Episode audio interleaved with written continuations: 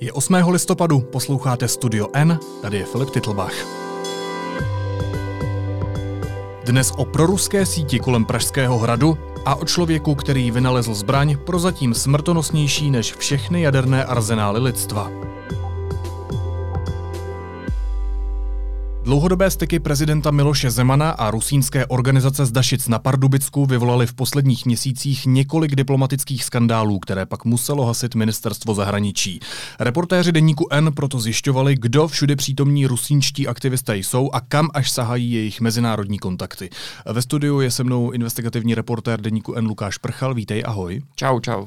Jak souvisí dvoutisícové městečko Dašice s Pražským hradem? Souvisí docela významně, protože v roce 2014 právě v Dašicích na Pardubicku eh, si dvojice Rusínů, která se přistěhovala z Ukrajiny do Česka, eh, založila spolek s nás takovým hodně zvláštním silným názvem mm-hmm. Světová rada podkarpatských Rusínů. Z Dašic. Z Dašic, v Dašicích, ano, přesně tam, tam teďka sídlí Světová rada podkarpatských Rusínů. A tahle až trošku jako bizarní organizace dává dohromady skupinu lidí, která sahá přes Rumunsko, Ukrajinu do Ruska. Aha. A v té organizaci sedí mnoho zvláštních, zajímavých lidí, uh, kteří jsou až přímo napojeni třeba do Kremlu. Je tam uh, jeden, píše se o něm jako o významném podnikateli, nevím do jaké míry je to pravda, ale uh, v Rumunsku se píše o panu Laurukovi, který je součástí této organizace a který byl v roce 2014 právě na zasedání první valné hromady nebo členské rady tohoto spolku v Dašicích. O něm se píše jako o významném milionáři uh, rumunském, který má velmi dobré vztahy uh, uh, na třeba ruskou armádu který je spojený s jedním plukovníkem ruské armády, ale jsou tam i další lidi. Uh, jedním, a my si myslíme, že je to nejvýznamnější člen té rusínské rady, je Eduard Popov, což je uh, člověk, který pracoval pro Ruský institut strategických studií, který až do roku 2009 byl součástí zahraniční rozvědky Ruska a poté přešel přímo před, uh, pod Putinovu kancelář, pod kancelář ruského prezidenta Putina. A této organizaci, kde on dlouhé roky působil, šéfují tradičně ředitelé tajných služeb Ruské federace. A na tohle toho člověka jsou velmi úzce navázaní, protože on je jejich eh, spolupracovník pro Rusko v této radě rusínské, v té světové radě podkarpatských v Dašicích. Rusínů. V Dašicích, ano, přesně tak.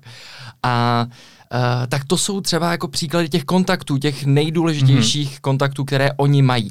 Zajímavé je, že tito dva Rusíni, o kterých se bavíme, kteří založili v Dašicích na Pardubicku tuto radu. Což jsou Vasil Džuhan a Michal Těsko. Přesně tak, přesně tak. Tak tito dva pánové dostávají k českému prezidentovi Miloši Zemanovi různorodé lidi, právě kteří jsou uh, napojení na separatisty třeba na uh, ukrajinském Krymu, který okupuje Rusko už několik let, nebo uh, jsou a to už je další teda ta linka toho našeho pátrání, jsou navázáni na proruské dezinformátory v Evropě. K tomu se ještě dostaneme. Teď mi řekni, jaká je ta vazba na ten Pražský hrad? To znamená, jakým způsobem oni tyto lidi dostávají na Pražský hrad a v jakém okolí prezidenta Zemana se objevují? My se těm této dvojici Rusínu eh, s kolegou věnujeme už uh, asi druhým nebo třetím rokem. Zajímavé na tom je, že oni se k prezidentovi dostali už kolem roku 2013, kdy v té době ještě kandidát na prezidenta Miloš Zeman jezdil po republice a dělal kampaň prezidentskou. V té době on byl ubytován se svým štábem v Dašicích v jejich uh, penzionu. penzionu. Ano, přesně tak. Oni tam mimochodem uh, taky provozují ještě pivovar. Mini pivovar, ano, přesně tak, ano. Tak tam byl prezident uh, ubytován. Pokud se nepletu, on se s nimi už poprvé viděl někdy kolem, s jedním z nich, uh, mm-hmm. s Vasilem Džuhanem, se viděl už někdy kolem roku 2010, protože mají společnou fotografii z té doby. Ale uh, ty největší styky navázaly právě kolem roku 2013 a 2014 a na základě toho, že oni dva jakože zástupci rusínské menšiny v Česku, což je uh, z pohledu opravdu Rusínu velmi, to říct, citlivé téma, protože oni Rusíni, nebo jiné skupiny Rusínů je nepovažují za ty pravé Rusíny, ale to je úplně jiné téma. Tak oni se díky tomu, že prezidenta podpořili ve volbách, před volbami, prvními prezidentskými volbami, tak se dostávají do velmi blízkého okruhu lidí prezidenta Miloše Zemana. On je zve každoročně na různé akce pořádané hradem a objeví se vždy na uh, recepci na Pražském hradě 28. října. Na státní svátek. Na státní svátek, přesně tak. A na základě toho, že oni mají takto výjimečné možnosti dostat mm-hmm. se na Pražský hrad, tak tam dostávají přímo i k prezidentovi různé lidi. Loni například přivedli uh, proruskou aktivistku Tatianu Popovovou, uh, z čehož byl jeden z těch prvních diplomatických skandálů, které právě prezident a jeho okolí vyvolali s Ukrajinou. Letos v září jsme zjistili, že k němu dostali popa odsouzeného na Ukrajině za separatismus, uh, pravomocně odsouzeného mm-hmm. za separatismus na Ukrajině. Na návštěvu k prezidentovi podávali si ruce, seděli tam společně u jednoho stolu. To byl další skandál, kvůli kterému mu byl předvolán český velvyslanec na Ukrajině na ukrajinské ministerstvo zahraniční v Kijevě. A následně nyní na 28. Eh, října na státní svátek dostali k prezidentovi na tuto recepci při oslavách státního svátku zástupce kremelského spolku z okupovaného Krymu. Ten spolek se jmenuje Kirill Birligy, kteří uh, toho okamžitě využili okamžitě využili toho, že se tam dostali, že dostali pozvánky na ruku, na, na jméno přímo od prezidenta a jeho ženy a pochopili se tím na svých sociálních sítích a zveřejnili k tomu i poznámku, že prezident České republiky uznal uh, anexi Krymu což samozřejmě nikdy neuznal a uh, doufáme, že nikdy neuzná, ale prostě oni to takto zveřejnili, následně došlo k nějakým, uh, nějakým peripetím, tomu dalšímu diplomatickému skandálu a Hrad poté teda řekl, že to není pravda, že nic takového prezident uh, neřekl. Po dlouhé SMS-kové konverzaci tebe a mluvčího Jiřího Ovčáčka. Ano, ano. ano. On ti nechtěl odpovědět na to. On mi na tu otázku nechtěl odpovědět na začátku, ale později po té, co jsme hmm. ten text vydali, tak eh, pro Českou tiskovou kancelář to popřel, tedy nebo vyvrátil. Co z tohohle všeho, co z těch kontaktů může mít prezident Miloš Zeman a jak to může být nebezpečné pro český stát? Tak eh, já vlastně nedokážu říct, eh, co z toho může mít prezident eh, Miloš Zeman. A ani bych nechtěl spekulovat. Těch spekulací, kterých, kterých jako kolem toho je a které tak nějak řešíme hodně, ale nemá cenu je nějak roz, rozvěřovat. Důležité a jasné jsou ty body, které už jsme říkali. Podpořili prezidenta před volbami. Eh, a je možné, že Jakým jenom způsobem ho podpořili? Jenom oznámili, že Rusíni v Česku podporují Zemana na uh, prezidenta České Chápu. republiky. Může to být jenom takto jednoduché, že podpořili prezidenta a on se jim za tu dobu prostě uh, to oplácí tou přízní, že každý rok pozve hmm. uh, na, tu, uh, na nějakou tu akci a na 28. Uh, na svátek 28. října. A co se týče té bezpečnosti? Tak co se týče té bezpečnosti, tak to samozřejmě je věc druhá, protože uh, lidi, které oni k tomu prezidentovi dostávají, kteří jsou velmi silně prorusky smýšlející, vlastně jsou to zastánci ruských separatistů, když to řeknu takhle, jsou to zastánci ruských separatistů na Ukrajině. Dost často se i vyjadřují velmi ostře proti uh, současné ukrajinské vládě a vyzdvihují uh, ruského prezidenta Vladimira Putina a jeho politiku a to, jak uh, se vypořádal uh, s tím, jak okupuje prostě ukrajinský poloostrov. Je to možná zajímavé v kontrastu s tím, na co třeba upozorňuje bezpečnostní informační ano, služba, to znamená česká kontrarozvědka na ruský vliv v několika zprávách po sobě za poslední léta. Mhm. A taky možná v kontrastu s tím, že generál Koudelka, což je šéf BIS, stále nebyl jmenován generálem. Ano, tak samozřejmě to jsou další, nebo to poslední, proč nebyl jmenován generálem, jsou uh, různé spekulace, k tomu nevím, nedokážu, nedokážu na to konkrétně odpovědět co přesně za tím stojí. Ale ano, tohle jsou přesně ty kontakty, na které upozorňuje BIS, které jsou nebezpečné a nebo nebezpečné, mohou být nebezpečné právě kvůli tomu, že prezident díky těmto kontaktům a tomu, jaké lidi tam tito dva lidé k prezidentovi přivádějí a podávají si s ním ruce, tak je legitimizují a uh, v očích uh, veřejnosti, v, v zahraničí a tak dále. Navíc uh, ruská média, prokremelská média, putinovská média uh, se vůbec neobávají a dělají to velmi často, rádi přebírají hmm. přesně to, tyhle ty informace. Prezident přijal tyhle ty lidi. A najednou zjistíme, to byli vlastně jako zástupci separatistů. Tohle se nemá dělat, to je prostě jako špatně z pohledu hmm. zahraniční politiky. Máme ji danou vládou a tohle to prostě přední představitel České republiky dělat nemá. Pojďme se ještě na závěr vrátit zpátky do Dašic. Pojďme se vrátit k té skupině, o které jsme mluvili, protože oni v posledních měsících navázali kontakty také s další organizací, která vyvolává pozornost hlavně v Nizozemsku. O co jde? Tak uh, oni navázali kontakty uh, s jednou z, uh, z organizací, která se nedávno aktivovala a která uh, se snaží velmi silně předstírat, že má něco společného uh, s mezinárodní organizací OPSE. A velmi silně bojují proti oficiálním závěrům vyšetřovatelů, mezinárodních vyšetřovatelů o sestřelení letu MH17 nad eh, Donbasem. Mm-hmm. Uh, rozšiřují různé dezinformace uh, o tom a snaží se bojovat proti těm, těm oficiálním závěrům.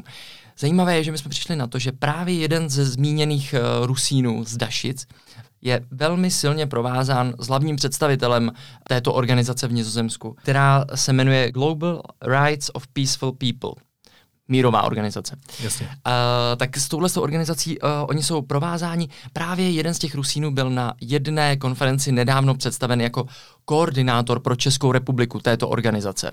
Neuvěřitelné. On to sám popírá nyní, ale uh, je, existuje video, kde to je, máme ho, a kde to přímo tedy jako říkají. A jeden z těch Rusínů vlastně říká, že určitě spolu, uh, spolupracují, ale je to kvůli přátelským kontaktům. Ne, popírá, že by byl součástí této organizace. Určitě jsme se účastnili přes tu organizaci OSN a OBSE, ale oni nám jenom pomáhali se dostat na to půdu, nic jiného. Já, takže to je v pořádku. Jako, I teď se budeme účastnit, i tenhle rok jsme se účastnili OBSE, Varšava, tenhle rok taky plánujeme Ženeva. Mm-hmm, Takže mhm, stoprocentně mm-hmm. nějaký části s nimi spolupracujeme, to jako tvrdit nechcem, ale to je jenom uh, na mezinárodních plošťátkách jsme se setkali a seznámili jsme se a, a navzájem se občas jako vždycky pomáhají lidi. Takže. Zajímavé ovšem je, že právě tento zmíněný Rusín z Česka, z Dašic, dostal tuto organizaci do Českého parlamentu, kde teda uh, byla, kde byla přijata. Čímž znovu říkám, zase legitimizují dezinformátory, proruské dezinformátory v Evropě, kteří se snaží uh, vyvracet uh, oficiální závěry mezinárodních vyšetřovatelů. Říká investigativní reportér deníku N. Lukáš Prchal. Díky moc. Díky. Teď jsou na řadě zprávy, které by vás dneska neměly minout. Poslanec Zdeněk Ondráček z KSČM ve své dizertační práci užil pasáže z jiných zdrojů, aniž by je citoval. Potvrdila to dnes Univerzita Palackého v Olomouci, kde poslanec před osmi lety získal doktorát. Sněmovna dnes téměř jednomyslně schválila zákon o právu občanů na digitální služby. Lidé tak získají právo řešit úřední věci se státem elektronicky. Papírová forma ale zůstane zachována, hlavně kvůli seniorům. Prezident Miloš Zeman popřel, že by pozval krymské Tatary na oslavy státního svátku. Samotní Tataři ale dříve potvrdili, že dostali pozvánku přímo z hradu a dokument zveřejnili. A ruská železnice dnes začala prodávat lístky na vlak, který bude od 23. prosince jezdit na okupovaný Krym. Od anexe 2014 byl poloostrov přístupný jen letecky a po vodě. Po souši museli ruští občané překonat frontovou linii a ukrajinské území. Teď se prosím nelekněte. All Here we go.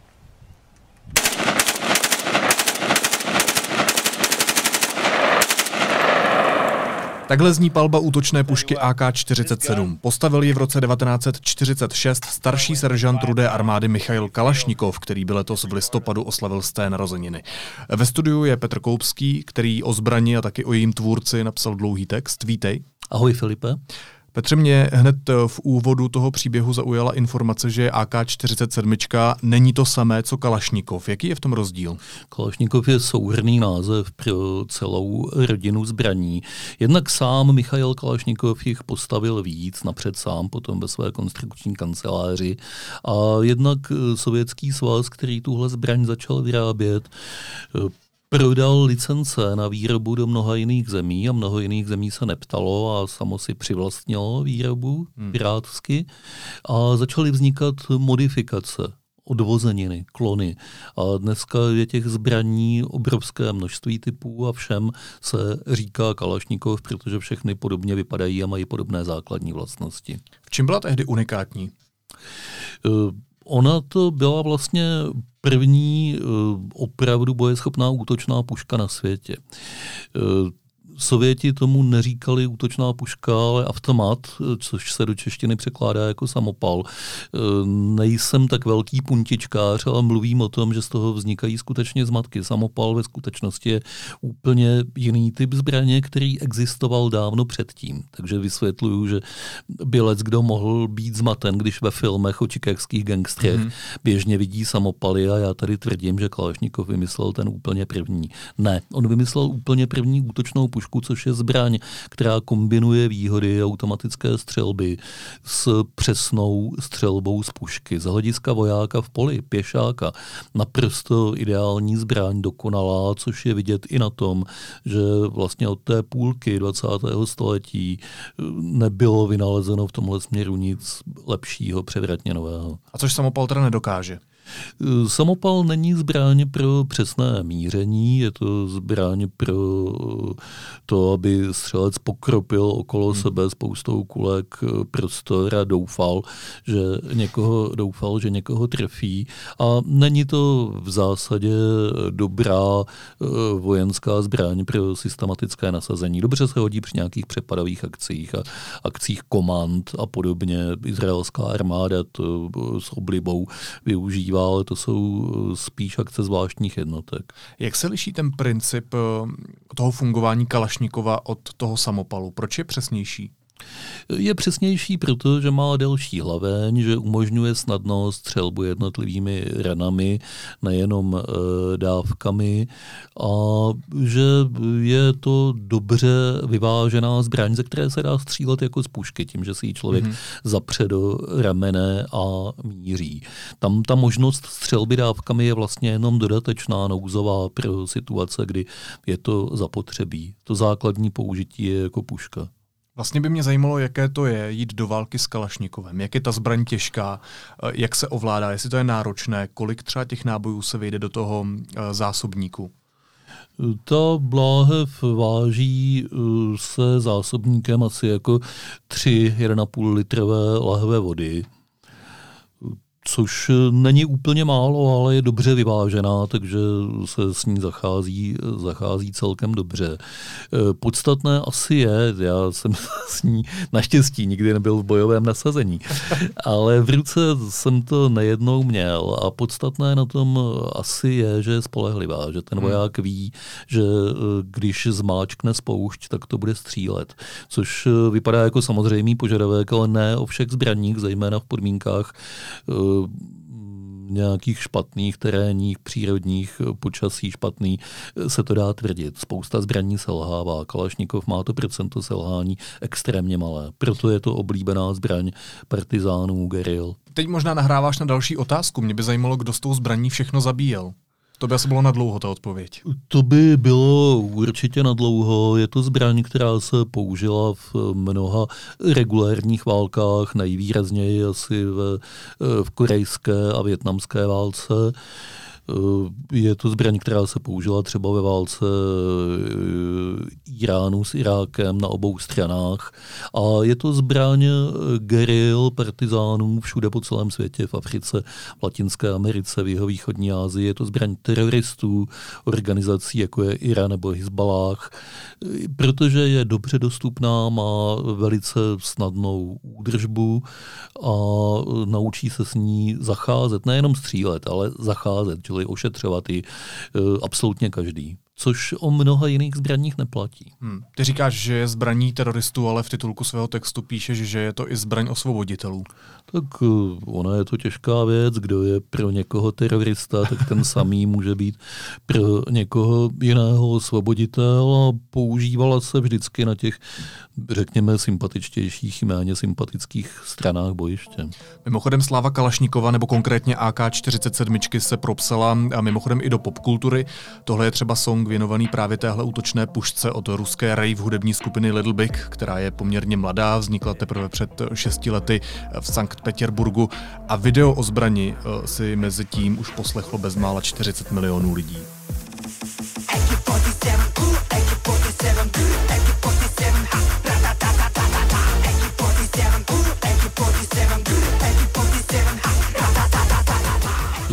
Známý hudební skladatel a muzikant Goran Bregovič z bývalé Jugoslávie. Má velice slavnou píseň, která se přímo jmenuje Kalašnikov. Je to taková ta balkánská dechovka hraná na uh, hranici rychlostních možností člověka. To je docela známá věc.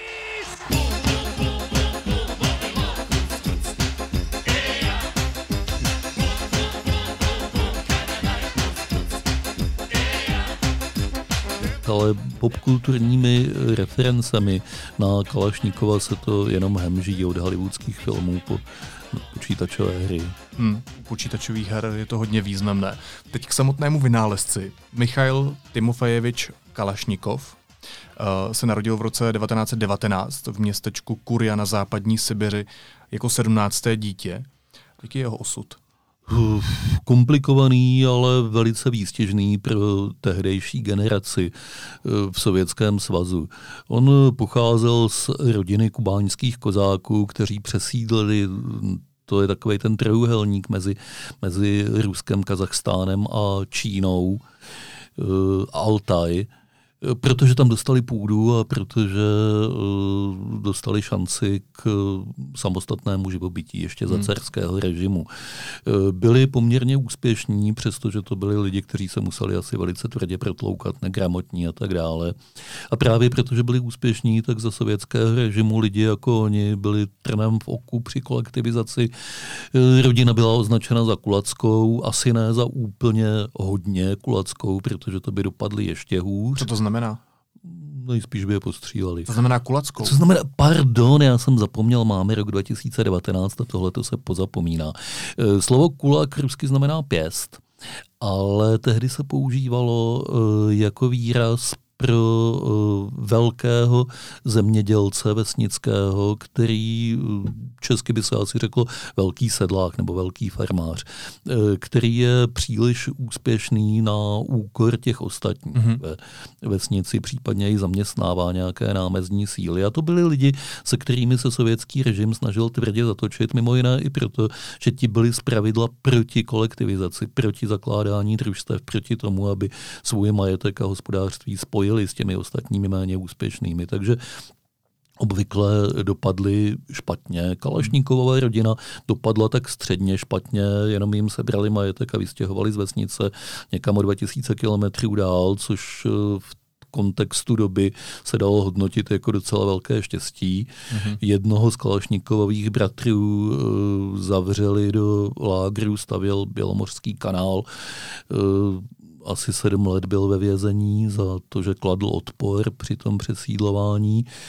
Eh, no ale to byl, takové, takhle vypadaly osudy miliony lidí tehdy. Hmm. Michail Kalašnikov si s tím dovedl docela dobře poradit, dovedl se v novém režimu zorientovat způsobem, že trochu se přizpůsoboval a trochu podváděl a uh, uplatnil už před válkou uh, svůj talent k mechanice, eh, ke strojům, k mechanickým řešením.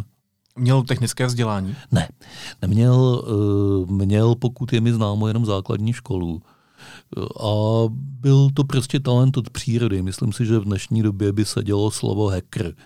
Eh, hacker nemusí být jenom počítačový, to, to je obecně označení pro lidi, kteří rádi rozebírají věci, přicházejí mm-hmm. jim na kloup a vymýšlejí nová řešení. V tomhle směru určitě hackerem eh, byl nezávisle. Hackerem přes zbraně. Hackerem přes zbraně, přes, eh, přes stroje a přes zbraně. On začal, pokud vím, tím, že se strojoval nějaká měřící zařízení pro tanky. Mm-hmm to je zase okolo zbraní, ale možná ne, protože by to byla až tak velká jeho vášeň tehdy, ale prostě protože to byla nejvyspělejší součást eh, průmyslové výroby v tehdejším Sovětském svazu. Ještě by mě na závěr zajímalo, kolik eh, kalašnikovů se tak jako uh, v tom oběhu po světě objevuje v dnešní říká době. Se, říká se, že to je 100 milionů. Je to nejvíc ze všech zbraní? Je to zdaleka nejvíc ze všech zbraní. Nejbližším konkurentem, řekněme, je americká útočná puška M16 a těch je v oběhu kolem 10 milionů, takže Kalašnikov vede s velikou převahou v oblibě a v rozšíření. A ještě asi vést bude nějakou dobu. Vypadá to, že ano. Říká Petr Koupský, redaktor deníku N. Díky moc. Naschledanou.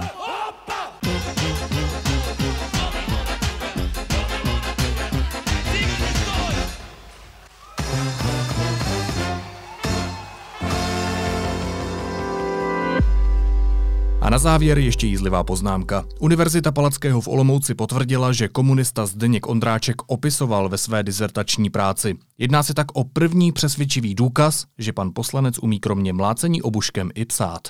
Hezký víkend a naslyšenou v pondělí.